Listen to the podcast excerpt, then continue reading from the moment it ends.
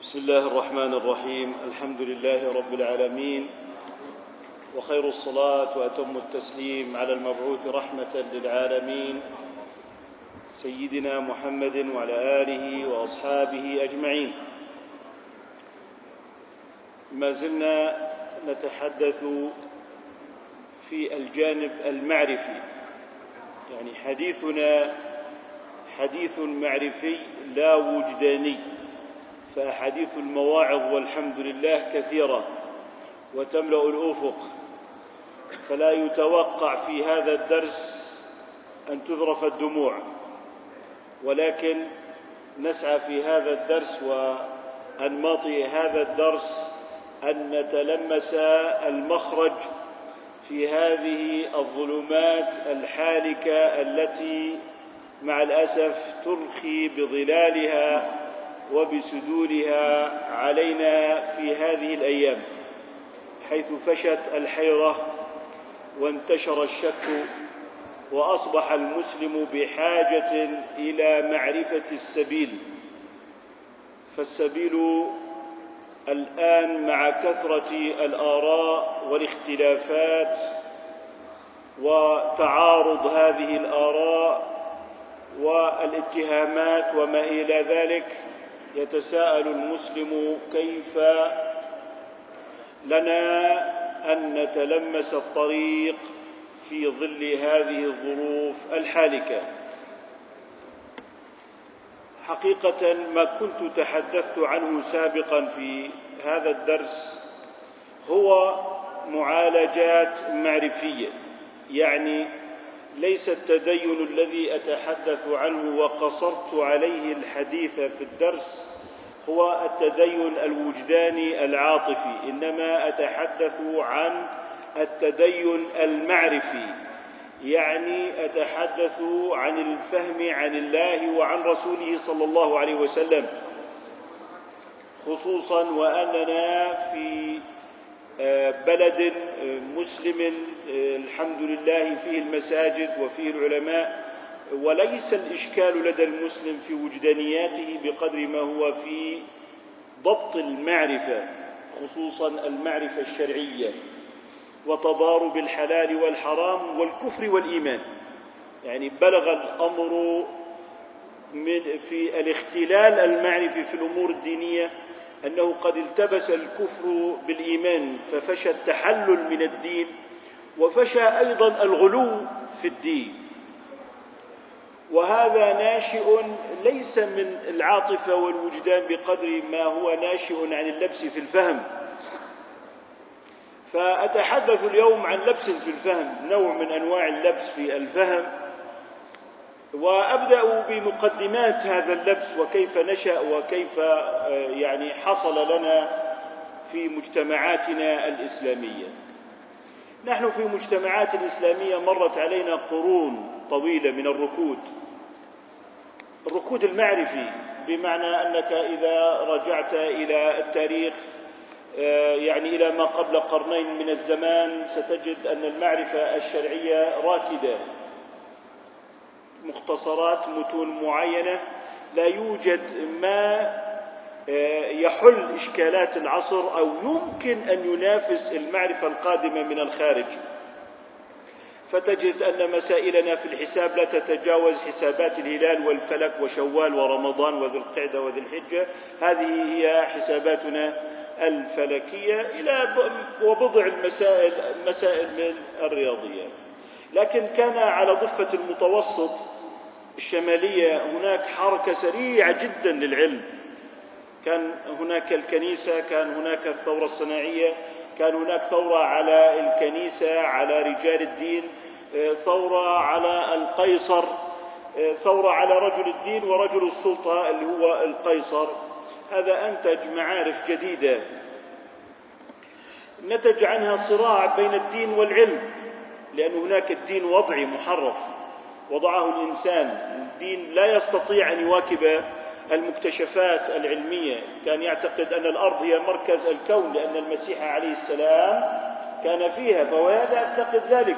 لكن عندما يجرؤ أحدهم أن يقول إن الأرض تدور حول الشمس فهذا يعني أنه يناقض موضوعات دينية عقدية أساسية وبالتالي اصطدم الدين مع العلم. وارتبط الدين بالخرافة وارتبط العلم بالعقل والإلحاد. نتيجة ظرف تاريخي لا علاقة له بالموضوع. يعني الإلحاد ما نشأ نتيجة تفكير سليم إنما نتيجة صدام بين أديان محرفة مختلقة اصطدمت مع الواقع العلمي الطبيعي الذي لا يمكن إنكاره فأنكر الناس الأديان. وأصبح العقل مقابلا للدين أو للنص. يعني في نص ديني مقابله عقل. في دين وخرافة يقابلهم علم. يقابلهم يقابلهما علم. هذا التناقض مع الغزو الاستعماري والتفوق التقني والعسكري والسياسي والثقافي انتقل إلى الديار الإسلامية. يعني تناقض ليس نابعا من بيئتنا نحن إنما هو تناقض مستورد بين الدين والعلم بين العقل والنص. فلذلك تجد يعني هناك من يتحدث عن ثنائية العقل والنقل ثنائية الرجل والمرأة ثنائية الحاكم والمحكوم والمعارضة والموالاة. كل هذه ثنائيات لا تنسجم مع المعرفة الشرعية. المعرفة الشرعية منسجمة في ذاتها. هذا أدى إلى تأثر المغلوب بالغالب. فأصبح هناك سوق لهذا التناقض. تناقض إنه النص الديني شيء والعقل شيء آخر. النص الديني شيء والمصلحة شيء آخر نتيجة لجمود رجال الدين والكنيسة إلى حد أنهم قالوا مقولات يعني حياتنا الصحيحة هي تكون بإعدام آخر قس بأمعاء آخر قيصر. انتهينا منهما جميعا أو بالعكس. هذه ثقافة لم تخرج منا بمعنى أننا كوسط إسلامي ديني لم نشعر عبر هذه القرون الطويلة. بأن هناك تناقض بين العقل والدين. لأنه أنت أمام نص إلهي. لم نشعر بوجود تناقض بين الرجل والمرأة. الرجل له دور وحقوق وواجبات والمرأة كذلك. الغني عليه الزكاة والفقير يأخذ الزكاة. هناك علاقات تكامل علاقة بين الحاكم والمحكوم علاقة تناصح. الحاكم يجب أن يحفظ الرعية وأن يحفظ مصالحها الدنيوية والأخروية. والرعية عليها الطاعة وبالتالي تناقضات الثقافة المستوردة يعني أرخت بظلالها القاتمة على حياة المسلمين العامة اليوم.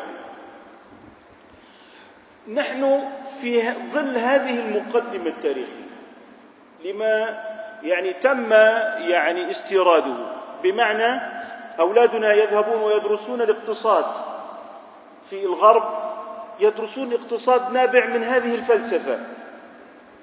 إنه الاقتصاد علم غير أخلاقي. ما له علاقة بالأخلاق. أرباح التاجر هي التي تحدد نجاحه. لو باع خمرا لو باع شيئا آخر هذا لا علاقة له بالنجاح. بمعنى أن المنتج الذي يعظم أرباحه هذا هو المنتج الرشيد بصرف النظر عن السلعة التي باعها يعني يتصور في هذه الفلسفة المادية التي تناقضت في الغرب أن تلقي بآلاف الاطنان من القمح في البحر حتى لا ينخفض سعره ولو كان الناس يموتون جوعا. هذا ليس سياسة. هذه فلسفة. هذه فلسفة عقيدة. يعني أقصد بالفلسفه أنها عقيدة بمعنى أنها نابعة من تصورات فكرية عن الإنسان والكون والحياة هكذا يفهمون الدنيا. لا آخرة عندهم. الدين لا علاقة له بالحياة. الأخلاق لا علاقة له لا علاقة لها بالاقتصاد. وكذلك الأخلاق لا علاقة لها بالسياسة. يعني قضية أن يموت مئة ألف إنسان ليس مشكلة. إذا كان هذا سيحافظ على سعر النفط مثلا. فالأولوية هي لسعر النفط إذا كان هذا مصلحة له. واضح؟ فالمسألة قبل أن تكون سياسة هي فكر وفلسفة وعقائد. نحن لا يصح لنا أن نفسرها على أنها تصرف من فرد معين أو إلى آخره. لا هي ليست تصرفات أفراد هي فلسفات. هي فلسفات. إذا هذه الفلسفات وهي يعني تدرس على أنها علوم في كلياتنا طبعا. تفسير مثلا أن الإنسان كائن جنسي. يعني الآن لو بدك تفسر أي ظاهرة اجتماعية تفسر بناء على معطيات غربية للإنسان. أن الإنسان يبحث عن الجنس يبحث عن المادة عن الاقتصاد. فبالتالي سيفسر أي حركة اجتماعية بناء على تصوره المادي أنه هذا إنسان جنس تصور التاريخ على أنه حركات وتناقض من أجل المال والاقتصاد مثل فلسفات الاشتراكية. هذا كله يا إخوة أثر في مجتمعاتنا الإسلامية. يعني ممكن أن تجد شابا متدينا لكنه يحمل هذا الفيروس يحمل هذه الثقافة. يظنها أنها علم لكنها هي فلسفة وليست علم. بمعنى هي وجهات نظر يعني لم يصلوا إلى هذا في المختبر اللي هو تفسير السلوك الإنساني. وبالتالي لو بدك تضع منهج تربية إسلامية سيوضع هذا المنهج على ضوء هذه الفلسفات. مناهج الرياضيات ستوضع على ضوء هذه الفلسفات وهي أن الإنسان كائن مادي تم تجريده من العواطف والروح. وبالتالي هذه فلسفة الإنسان الغربي. أن هذا الإنسان هو كائن بيولوجي اقتصادي. أي تصرف يفسر على أنه إنسان بيولوجي اقتصادي بعيدا عن قضايا الغيب والجنة والنار وهذه لا علاقة لها بواقع الدنيا. هذه هي الفلسفة التي سأبين مقابلها الشرعي. الفهم الشرعي في هذا الموضوع. يعني المصلحة هي كمية الأرباح. بصرف النظر عن الوسائل بصرف النظر عن الوسائل. هذه تسمى مصالح. هذه تسمى مصالح. إذا إذا قلنا النص الشرعي يقول لك لا إحنا الكنيسة أبعدناها خلاص. طب هذا إسلام مختلف. لا سيسقط مفهومه للدين في الغرب على أنه هو مفهوم لكل دين حتى لو كان الإسلام. هذه هي الإشكالية الكبرى. إنه الدين الذي هو في الغرب خلاص هذا هو تصور الإنسانية عن الدين وكل دين هو مثل هذا الدين الذي كافحناه في أوروبا وانتهى. لكنهم عندما جاءوا إلى الديار الإسلامية لم يجدوا الأمر سهلا. عادي ممكن في كوريا الجنوبية بوذا لن يفعل شيئا ما عنده نظام أسرة. بوذا لا يوجد عنده نظام اقتصادي. بوذا لا يوجد عنده نظام حاكم ومحكوم وكذلك الهندوسية والكونفوشيوسية وغيرها من الأديان. أين اصطدموا؟ اصطدموا بالنموذج الحضاري الإسلامي. عنده تصورات لكل شيء وعنده إجابات لكل الأسئلة التي تعجز عنها الفلسفات المادية. الإنسان في كينونته المادية الجسدية وفي كينونته العاطفية الإنسانية وعلاقات الإنسان والأنبياء والنبوات والألوهيات هذه كلها في الإسلام بينة. لذلك هو اصطدم بشيء وجدار صعب. هذا الجدار ليس هو الإنتاج الاقتصادي الذي لدينا. فنحن في الإنتاج الاقتصادي مع الأسف كما تعلمون. في الحالة الاجتماعية عندنا جوانب قوة هائلة جدا. نحن لسنا منتبهين إليها خصوصا في مجال الأسرة. والمرأة والرجل والزوجة والأولاد. هذا نموذج لا يبارى ولا يجارى وغير قابل للتقليد والتصنيع. إذا اعتقدوا أن الدنيا شيء لا يجتمع مع الآخرة والغيب. هذه دنيا في البنك لا علاقة لها بالكنيسة ولا علاقة لها بالمعبد. وضع مسجدك في موقع الكنيسة لا علاقة لها بالمسجد. أنت في البنك تختلف عنك في المسجد. اجلس في زاوية المسجد ابكي وفي تلك الزاوية واذكر لكن لا علاقة لزاوية المسجد في الشارع. هذه حالة خاصة تدين خاص بك حالة فردية. واحذر أن يكون لهذه الحالة الفردية أي أثر في المجتمع. هذا هو النموذج القادم من الغرب. الآن إذا الدنيا شيء لا علاقة لها بالآخرة. هذه دنيانا إن هي إلا حياتنا الدنيا لا تتدخل في دنيانا. نحن نعرف كيف نسوس دنيانا. دعنا ومصالحنا. لقد جربنا الأديان فوجدناها فاسدة. ووجدنا رجال الدين فاسدين. كانوا يحرمون الزواج ويجعلونه رذيلة ولكن كانت حدائق كنائسهم تمتلئ بالرضع من أبناء الزنا منهم. وهذا معروف ومشتهر. فلذلك دعنا من هذه الأديان وبالتالي هم كفروا بكل دين نتيجة لما رأوا محاكم التفتيش وهذا لا يعني ليس موضع بسطه وشرحه. الإسلام كيف يجمع بين الدين والدنيا؟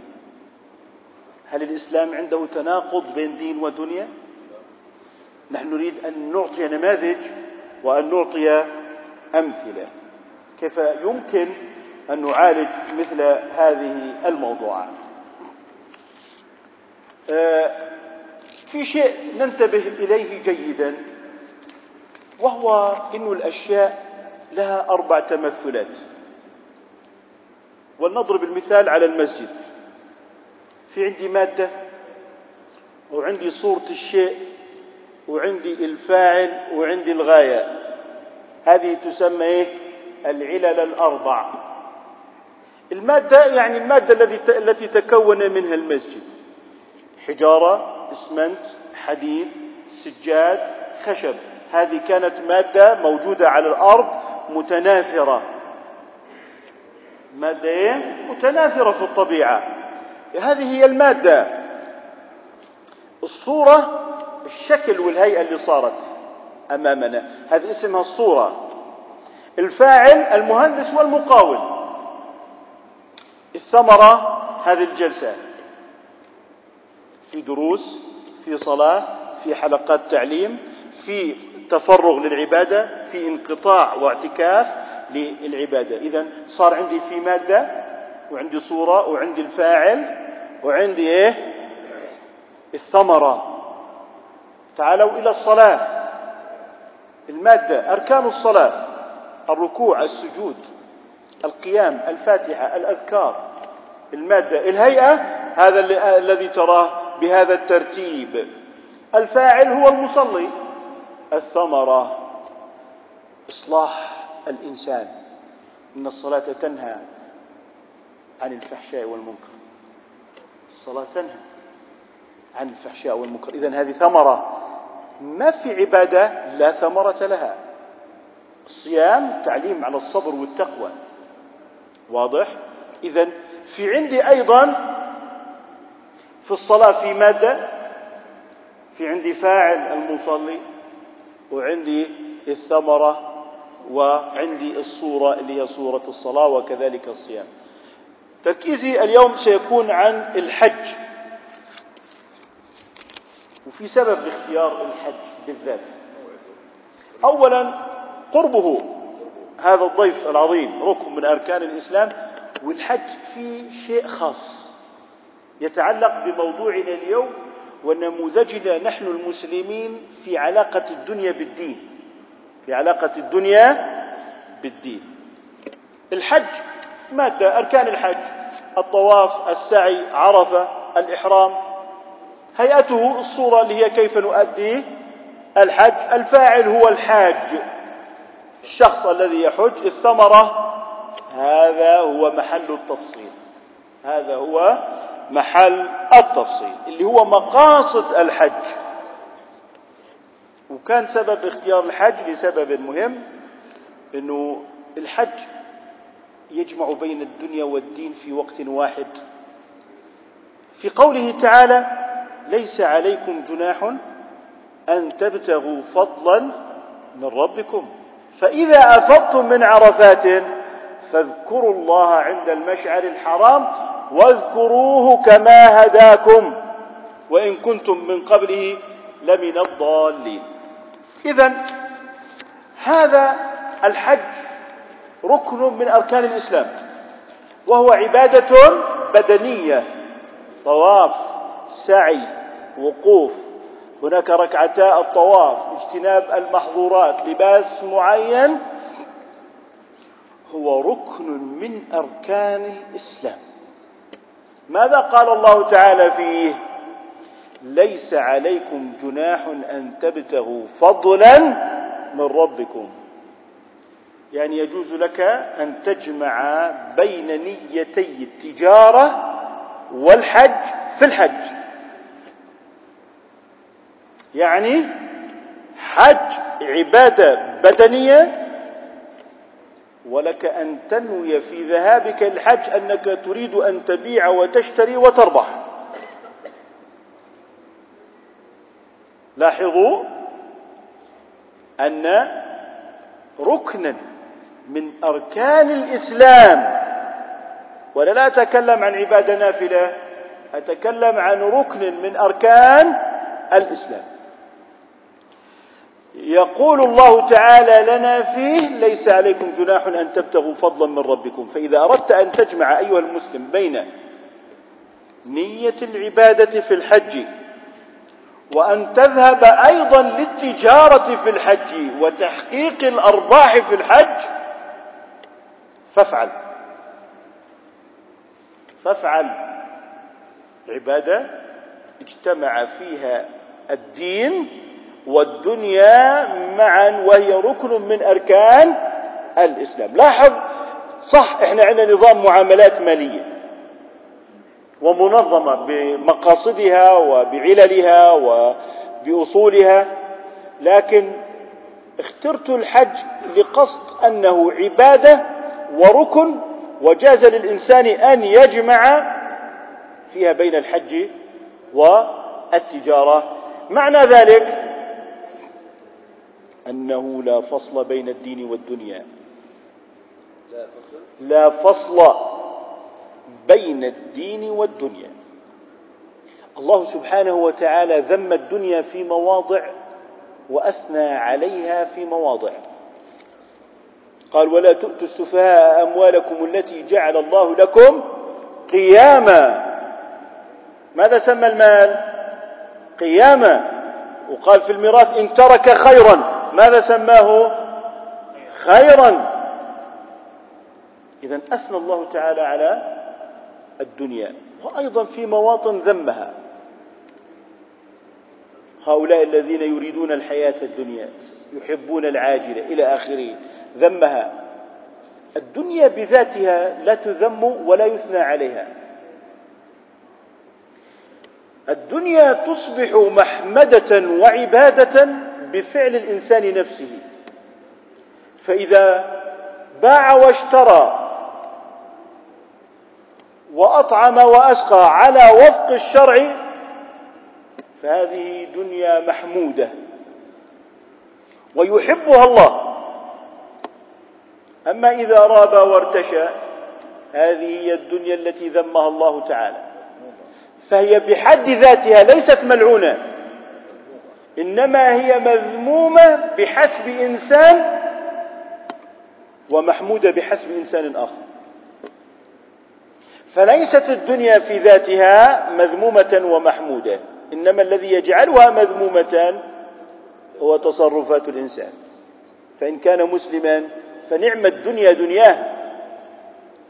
كما ورد في الايه الكريمة وابتغ فيما آتاك الله الدار الآخرة. يعني يعني ما معنى ذلك؟ الدنيا طريقك إلى الآخرة. لذلك عندما نقول وأحل الله البيع هذا حكم شرعي. له مصلحة في الدنيا وهذه المصلحة في الدنيا ممتدة إلى الآخرة. ما في مصلحة قاصرة على الدنيا فقط. فإذا بعت واشتريت البيع الحلال عليك أن تنتظر أجرك في الآخرة. فمصالح الدنيا في الشريعة ممتدة إلى الآخرة وليست قاصرة على الدنيا. هذا هو ما يميز هذا الدين. إنه لا يمكن أن يفصل أو تفصل المصالح الدنيوية عن الأخروية وهذا هو الحج نموذجا رفيعا يجيز الله تعالى لنا فيه أن نجمع بين نيتي التجارة والعبادة. طيب. كان قبل الإسلام عدة أسواق. كان سوق عكاظ ومجنة وذي المجاز. وهذه كانت في الحج. سوق عكاظ في العشرين يوم الأولى من ذي القعدة. ومجنة في العشر الأخيرة من ذي القعدة. وذي المجاز كانت في الثمانية أيام الأولى من ذي الحجة. وكانت هذه أسواق العرب في موسم الحج.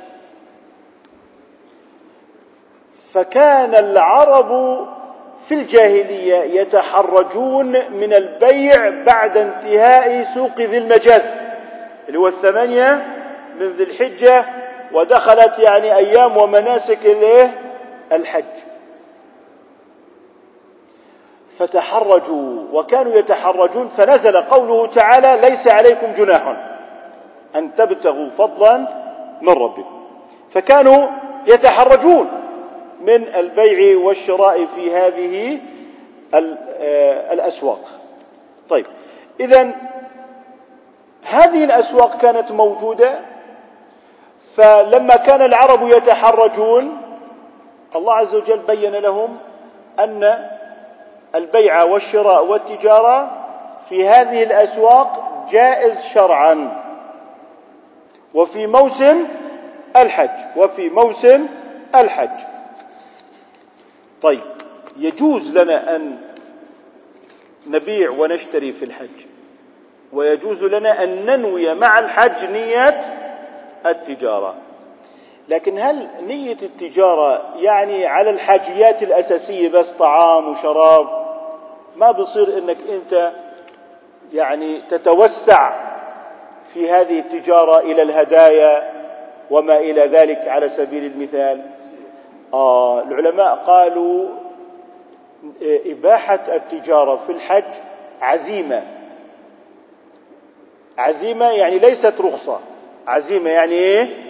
ليست رخصة بمعنى أنها على خلاف الأصل. يعني عندما نقول يجوز الفطر في رمضان للمسافر مثلا يجوز الفطر في رمضان للمسافر نقول رخصة لأن الحكم هو وجوب الصوم ولعذر السفر أكرمك الله وجزاك الله خيرا. ولعذر السفر جاز لك أن تفطر. المسح على الخفين جاز الأصل أنك تغسل الرجلين لكن هذا انتقل إلى تخفيف إباحة آه، التجارة في الحج. ما هي تخفيف؟ هي حكم أصلي. ما هو تخفيف؟ يعني حكم أصلي شرعي. كيف فرض رمضان؟ مش مثل إباحة الفطر للمسافر لا. إباحة الفطر للمسافر استثناء. إباحة التجارة في الحج أصل. لذلك بما أنه أصل ربنا بقول لك توسع في التجارة.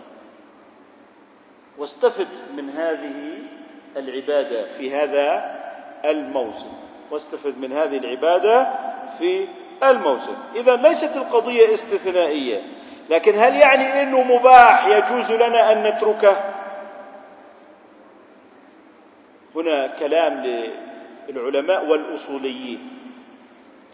إنه هل يجوز لنا أن نترك التجارة في الحج؟ ما هو مباح. مش إحنا بنقول المباح يجوز تركه؟ طيب. العلماء قالوا لا يعني إنه مباح يجوز تركه. الآن تعلم الطب مباح صح؟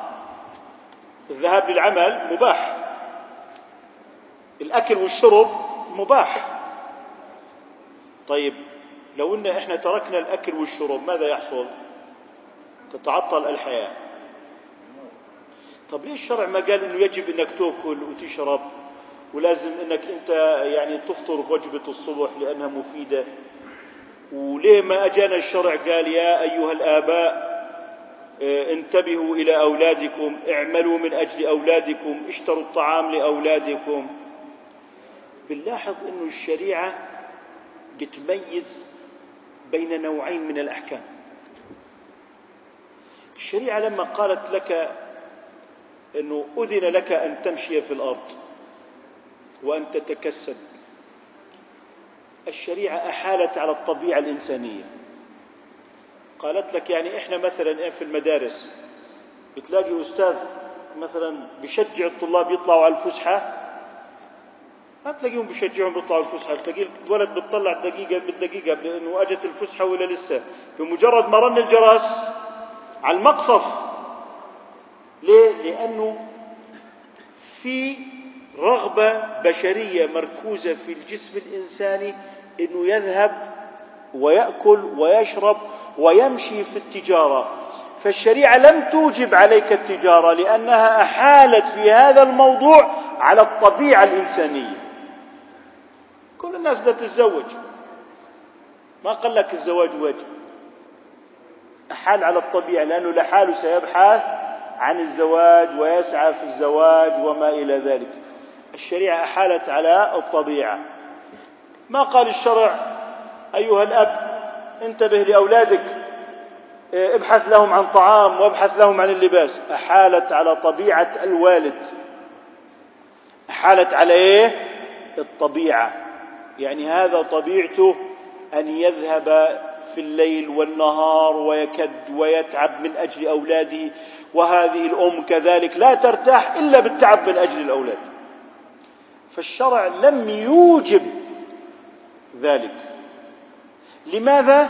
لأن طبائع البشر ستسعى في تحصيل ذلك من تلقاء نفسها فإذا أوجبه فهو تحصيل حاصل. فهو تحصيل حاصل. لكن آه، بر الآباء الأبناء بالآباء. لا هاي لا. بر الأبناء بالآباء. لا الأمر مختلف. إنه طبيعة الأبناء أن يعني ينشغلوا عن الآباء ويبتعدوا ويتزوجوا. لذلك نزل الأمر ببر الوالدين مقترنا بالتوحيد. وقضى ربك ألا تعبدوا إلا إياه وبالوالدين إحسانا. ليه؟ لأنه هنا تتكاسل النفوس. ما جاءنا نبي بالزراعة؟ قل اهتموا بالزراعة لأنه أصلا تحصيل حاصل. ما قال اهتموا بتطوير البناء يعني يا أيها الإنسان إذا عندك شقة 100 متر حاول تشوف لك شقة 200 متر حتى تكون سعيدا. ما جاء نبي بهذا. لماذا؟ لأن الشريعة أحالت على الطبيعة. الشريعة أحالت على الطبيعة وأن هذا تحصيل حاصل. لكن حيث يمكن أن ينتكس الإنسان جاءت الرعاية. مثل موضوع تقصير الأبناء في حق الآباء. طيب إذا ليس معنى أنه مباح. اذا يجوز تركه. بمعنى إنه الطعام مباح لكن لا يجوز تركه شرعا. الزراعة مباحة لكن ليس معنى ذلك أنها مباحة أن تترك لأن هذا يؤدي إلى تضييع الحياة. لكن الشريعة حكمت بالإباحة لوجود طبيعة إنسانية أحالت الشريعة عليها. أما لو أن الناس أرادوا أن يزهدوا في الصناعة أو في الزراعة أو في التجارة يقول الشريعة لا لأنه أنت في عندك نفقة الأهل لينفق ذو سعة من سعته. تنفق على الوالدين تنفق على الأبناء. إذا في أحكام شرعية من البيوع والشراء. لذلك جاءت الشريعة بتنظيم هذه المباحات. ليس معنى المباح أنه يترك من قبل عامة الناس. تصوروا لو ذهبنا إلى الحج وفوجئنا أن المسلمين أصبحوا زهادا لا يحبون المال. وكلهم منزو في المسجد يبكي ويتضرع. وجميع المحلات مغلقة. وجميع المطاعم مغلقة. وجميع المساكن كذلك مغلقة والشرطة في المسجد الحرام يبكون. كيف يكون حج كيف يكون ستكون الحياة مستحيلة. لذلك الشرع عندما بنى أحكامه بنى أحكامه على اعتبارات. إنه ما تتوافر عليه همم الناس على تحصيله وفعله والبحث من أجله والكد والتعب تركه إليهم. أما ما يمكن أن يتراخوا فيه فقد جعل الشرع لهذا التراخي حدا وندبهم إلى فلذلك ما قال إنه يجب عليك أن تتاجر لأنك ستتاجر وتشتري وتبيع. والناس في الأسواق في موسم الحج مليئون وكثر. لا يحتاجون إلى من يقول لهم اذهب إلى السوق بل يحتاجون إلى من يقول لهم اذهب إلى المسجد. اذا ليس معنى الإباحة أنه يجوز تركه وهذا يجب أن يفهم جيدا. تصور أن المقاول الذي بنى هذا المسجد والعمال الذين بنوه قالوا نحن نريد أن نكون زهدا وتركنا الدنيا. لا نستطيع أن نجلس في هذا المسجد. لن نجد حياة أصلا. صاحب البقالة لو جلس. لذلك هذه قضية مهمة في التشريع الإسلامي. ليس معنى الإباحة يعني أنه يترك في الجملة. ليس معنى الإباحة أنه يترك في الجملة. لذلك الزهد في مفهوم ملتبس للزهد. الزهد ليس في الإنتاج الزهد في الاستهلاك. الزهد ليس في الإنتاج إنما هو في؟ في الاستهلاك. إذا كنت زاهدا فقلل من الاستهلاك. لكن العمل وترك العمل ليس زهدا إنما هو كسل ملتبس بالدين. هو كسل ملتبس بالدين. يعني ممكن الإنسان يكون عنده تراخي وما عنده همة للعمل فأفضل وسيلة وأفضل حيلة هي التحلي بالزهد. حتى يقال عنه زاهد وممكن إنسان عنده همة عالية للعمل ها وعنده استعداد يشتغل 24 ساعة. بقول لك الدين ديننا دين العمل. تقول له صليت الظهر بقول لك لا. صليت العصر بقول لك ديننا دين العمل. صليت العشاء ويقول لك يا ما هو أصلا ديننا يحب العمل. والمؤمن القوي خير من المؤمن الضعيف وفي كل خير. لاحظ إنه هي نزوة إنسانية متسترة بالدين. ليس تدينا. ليس تدينا. كلاهما. فلذلك نبه العلماء عن الشهوة الدينية المستترة. إنه في شهوة مستترة. وهذه من باب الحيل النفسية. اللي ممكن الإنسان يقع فيها وهو لا يدري يعني هو ما بيكون كذاب. هو ظهر له أنه زاهد. لكن متى يمكن الاختبار يظهر؟ إذا ما أحد أعطاه وما أحد قدم له ووجد الناس يعني ليسوا معه. بغير. الحيل النفسية في التدين خطيرة جدا. لذلك الشرع ذم الهوى ذم الهوى. أحيانا من الحيل النفسية إنسان مثلا برسب في التوجيه رسب في التوجيه فجأة بتلاقيه الشاب صار متدين ليه؟ لأنه الوسط المحيط أصبح يعني ناقم عليه فهو بيروح بصير يروح على المسجد فجأة اللحية إيه؟ يبيع فيها يداوم على المسجد بعد فترة أبوه بيقول والله الحمد لله الولد الله هداه. فضل من الله يعني صح والله رسل لكن الحمد لله الأمور يعني الولد اهتدى. بعد شوي إذا الولد قدم المادة ونجح بحلق لحته بحلق لحته أو مثلا بس انتهت الهجمة واستوعب الصدمة برجع زي أول أبو فلان كيف الولد؟ والله انتكس التفوا عليه شلة. لا لا هو في موضوع أعمق من هيك قبل الشلة في موضوع ثاني.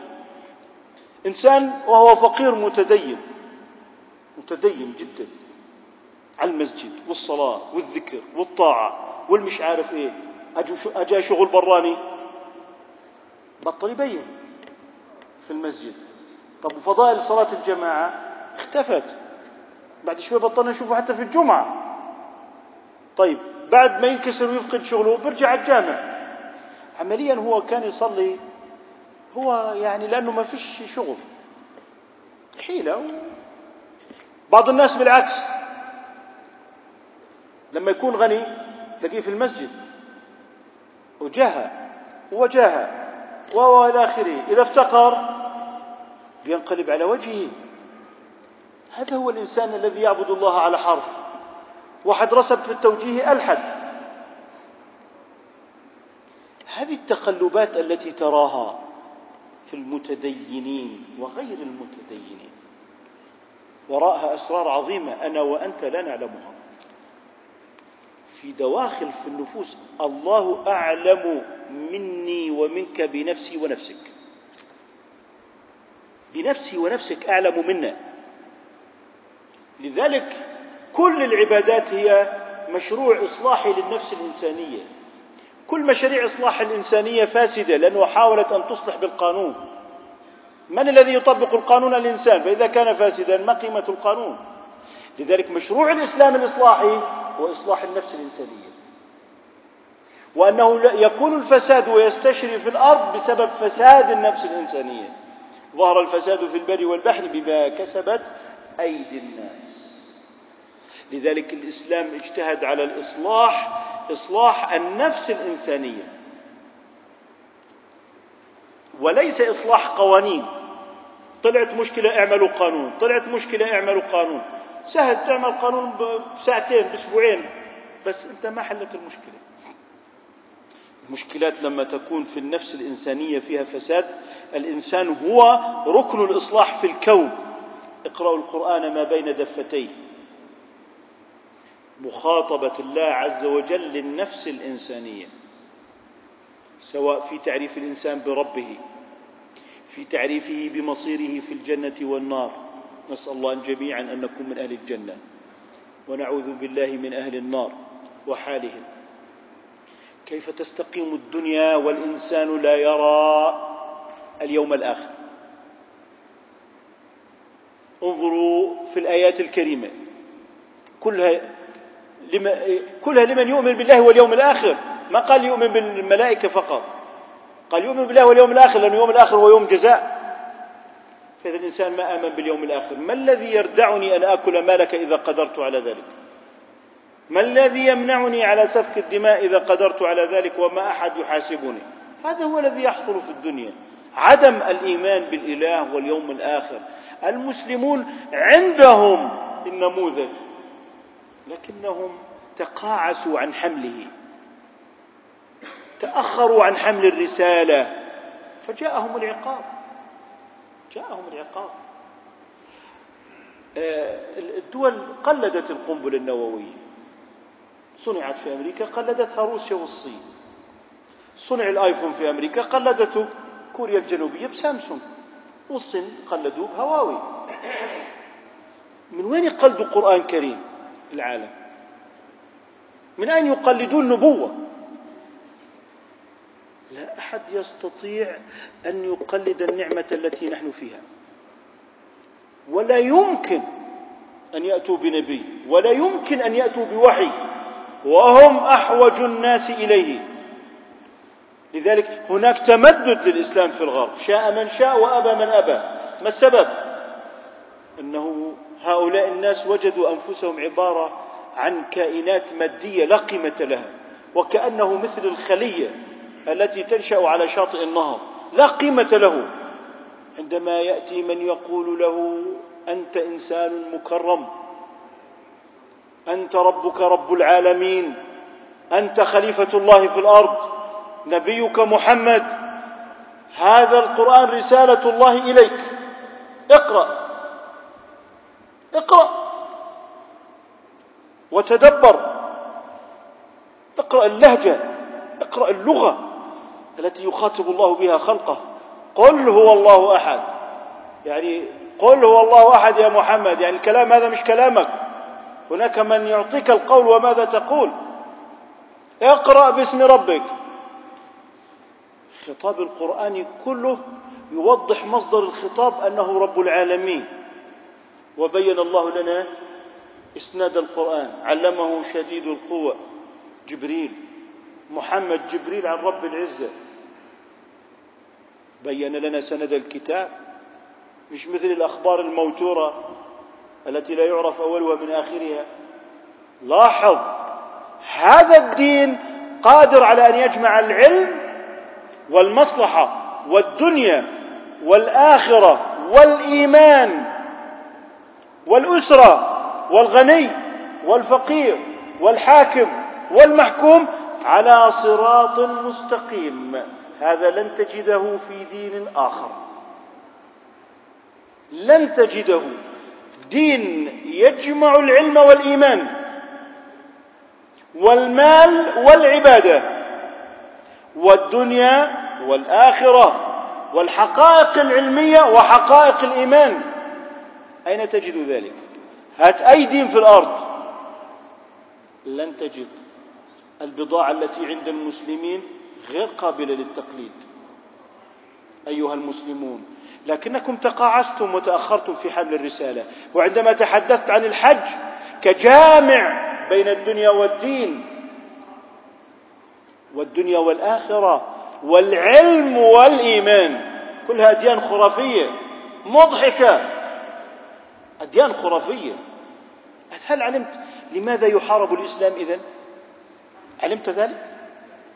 يقدم نموذج رفيع في الاقتصاد في الأسرة في العلاقة بين الحاكم والمحكوم في العلاقة بين المسلم والكافر في العلاقة بين المسلمين أنفسهم.